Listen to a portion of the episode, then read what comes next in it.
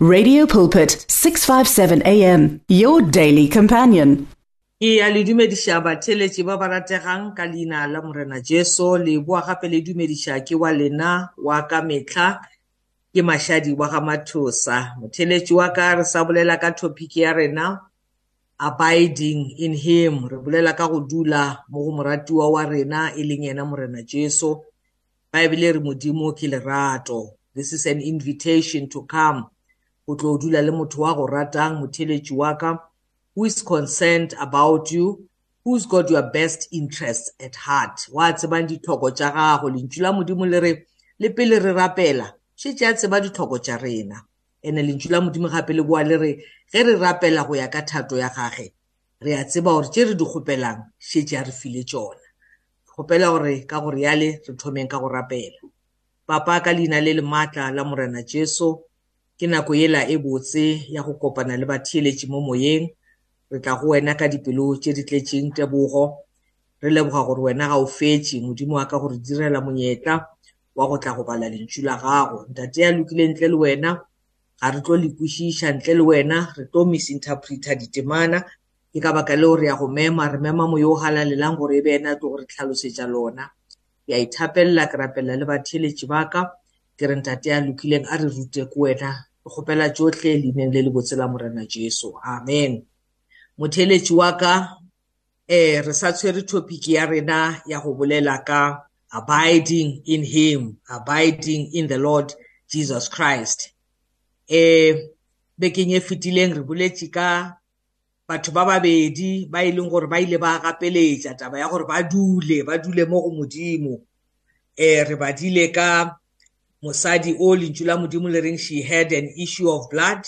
eh o ileng e gore o ile a gapeletsa a ntse a lwala a emelela motheletsi wa ka a emelela a sepela a ya go kopana le morena jesu and-e lentswe la modimo le re ka yona tsela eo o ile a fitlhela ke phodiso baebele e re immediately ga a hwetsa morena jesu her bleeding stopped ra bolela gape le ka monno e leng gore o be a foufetse o baebele e reng he was sitting by the roadside a re ga a botsiša na go diragalang ke ka baka la eng batho ba rasa ba re ge ba mmotsa ba re ke jesu wa nazareta a gana go kwa lona leo a thoma go tlhaboša lentšu a go elela a re morena jesu wena morwata fita nkgaogele you know and ra, ra ithuta gore e ile ga a thoma go rasa e ile ga a thoma a go elela you know people rebuked him. You know, they told him to be quiet. And e he shouted all the more. Monna wa dira leshata, arasa ari Jesu morwata fitang khaogele. You know, ka yona tsela eo Bible e re morana Jesu o ile a ema a ba laela gore ba motlise go yena and then ke ka mokgwa monna o morena jesu a ileng a mo fodisha so the principles the principle that we were emphasizing was that mo dutseng gona leka ka meši o go fela gore o fitlhelele morena jesu leka ka ditsela ka moka gore o fitlhelele morena jesu there will be impediments in your way there will be challenges people will not be happy ge o ya go morena jesu mara gapeletša gobane re a bona gore mosadi o labeng a lwala o ile a gapeletša mara ga a fitlha ko morena jeso a hwetsa phodišo monna wa sefofu o ile a gapeletsa batho ba bantsi ba mo discouragea o ile ga a fitlha mo go morena jeso a hwetsa phodišo matlho a gage a bulega and ge le ka gopola le ka setori sa sakio lentswe la modimo le bolela gore he was too short he could not see like the rest of the people he could not see over the crowd a gapeletša kitima a namela setlhare a re mola a nametše setlhare morena jesu a mmona a re tonight i am coming to be a guest in your house and go ka lebelelana setori sa zakio lentswe la modimo le re the people were displeased batho ba ne ba sa kgatlhega ge zakio a hwetša morena jesu you can go and read it it's in luke chapter 19 specifically verse 7 ke mo lentswe la modimo le tlhalosang gore people were displeased ge zakio a hwetša morena jesu so theletši wa ka ke tse gore wena maemo a gago a jwang mo o leng gona o hwetša e le gore o gana go amogela morena jesu o go leša ditlhong because of the kind of a crowd that you keep motlhomong o nyoko kgatlha molekane wa gago nyoko kgatlha batswadi ba gago people will always be displeased go hwetša morena jesu but i believe gore i've succeeded go go bontšha gore ge re hwetša morena jesu motheletši wa ka ditlhoko tša rena o a di he meets our needs gantši ge ke bolela ka go dula mo moreneng from the very first beginning ke be ke tlhalosa ka taba gore mo go morena jesu there is salvation mo go morena jesu there is healing mo go morena jesu there is deliverance mo go morena jesu there is provision go ka bala psalm 23 you know tafita o ba bolela gore you know the lord is my shepherd I, I have got no nka o re nka se kebe ka tlhoka selo morena ke modiši wa ka nka se tlhoke selo so go le mo go morena jesu motheletši wa ka o ka se tlhoke selo go na le tsotlhe difofu di a bona ba go lwala ba ya fola ba nyoretšwe modimo ba hwetša morena jesu so i encourage you go dira mekgwa go dira ditsela tša gore o fitlhe mo go modimo so ke rata go bala another principle ya go dula mo go morena jesu ye re e hwetsa mo go hebrews chapter 4 verse re tlo bala go thoma ka ka verse 1 you know entering into god's rest gore ge re fitlile mo morena jesu re ya khutša you know eh hebrews chapter 4 verse 1 e bolela mantswe a gore Therefore, while the promise of entering his rest still stands, let us fear lest any of you should seem to have failed to reach it you know go na le tshepišo motheletši wa ka ya go tsena ka gare ga khutšo and mo verse one ya hebrews ya go bontšha gore go a kgonagala gore o feile go fitlhela ke khutšo ye e leng mo go morena jesu e re therefore while the promise of entering his rest still stands let us fear lest any of you should seem to have failed Richard. Maybe this is a moment for introspection, Mutelechi Waka. Wherever you are, if you are listening to me, I'm appealing to you to start introspecting yourself. Have you entered into his rest? Gobane lentswe la modimo le ya bontsha in this very verse ye re fetsang go e bala gore Bible e bolela ka batho ba ileng e gore ba paletswe ke go fitlhella khutso ya modimo. introspect yourself this this day as I'm speaking to you. Ah, are you counted amongst the people who have managed to enter the Lord's rest? Okay, I'm going to continue reading and ke a dumela gore as I continue reading o tlo gona o tlo gona go create clarity. Mo verse 2 lentjwe la modimo le re for the good news came to us just as to them but the message they heard did not benefit them kana e bolela ka people in the old testament e re for the good news came to us just as to them but the message they heard did not benefit them because they were not united by faith with those who listened. For we who have believed enter that rest, as he said, I saw in my wrath they shall not enter my rest. So Mutelechi Waka, this portion of scripture is quoted from the Old Testament. Mo e leng gore Modimo o ba tsia bana ba gagwe e repeta a ba isha to the promised land. Bible e bolela ka batho ba e leng gore they were amongst the congregation of the Israelites. Ye Modimo a neng a itshepisitse go ba fa khutso ge ba fitlha nageng ya Kanana. baebele e re ba bangwe ba bona ga sa ka ba dumela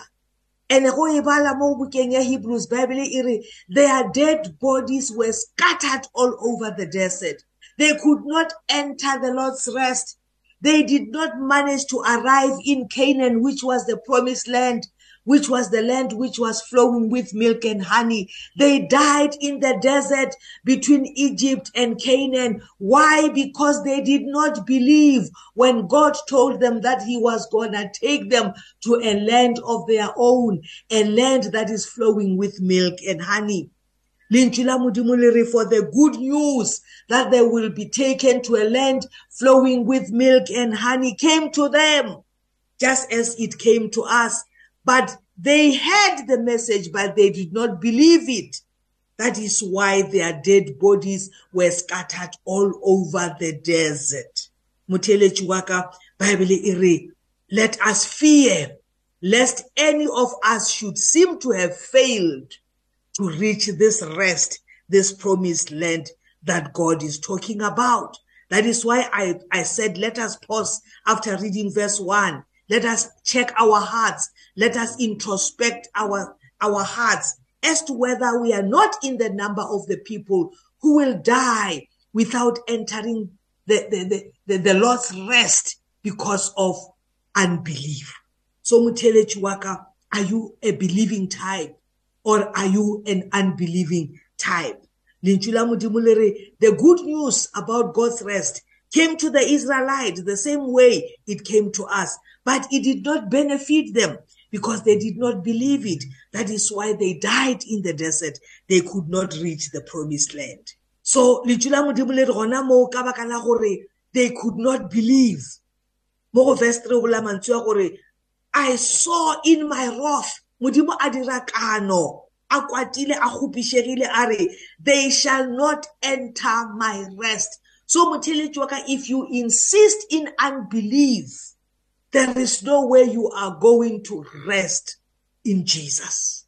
ge o ka ba le go tlhoka tumelo wa se dumele se lentswe la modimo le se bolelang you are not going to enjoy all the benefits that the believers are enjoying in the Lord Jesus Christ. Modimo o re go ba ba sa dumeleng, you know, go ba ba sa dumeleng, I swear in my wrath, gore they shall not enter into my rest. lentswe la modimo le re gobane modimo o ratile lefase ga kaka a be a le neela ngwana gage ya tswetsego a le noši gore mang le mang ya dumelago a sekebe a latlhega gomme a be le bophelo bo bo sa feleng motheletši wa ka modimo o re tshepiša bophelo bo bo sa feleng mo go morena jesu fela ge re dumela lentšu la modimo le re gore mang le mang e a dumelang a sekebe a latlhega empa a be le bophelo bjo bo sa feleng so modimo still maintains the same principle for you shall not enter into the rest that God has provided in the Lord Jesus Christ if you don't believe. Bible e re ga go kgonagale gore re kgatlhe modimo ntle le ge re dumela. Motheletši wa ka I am appealing to you to consider the Lord Jesus Christ, to consider believing in Jesus Christ.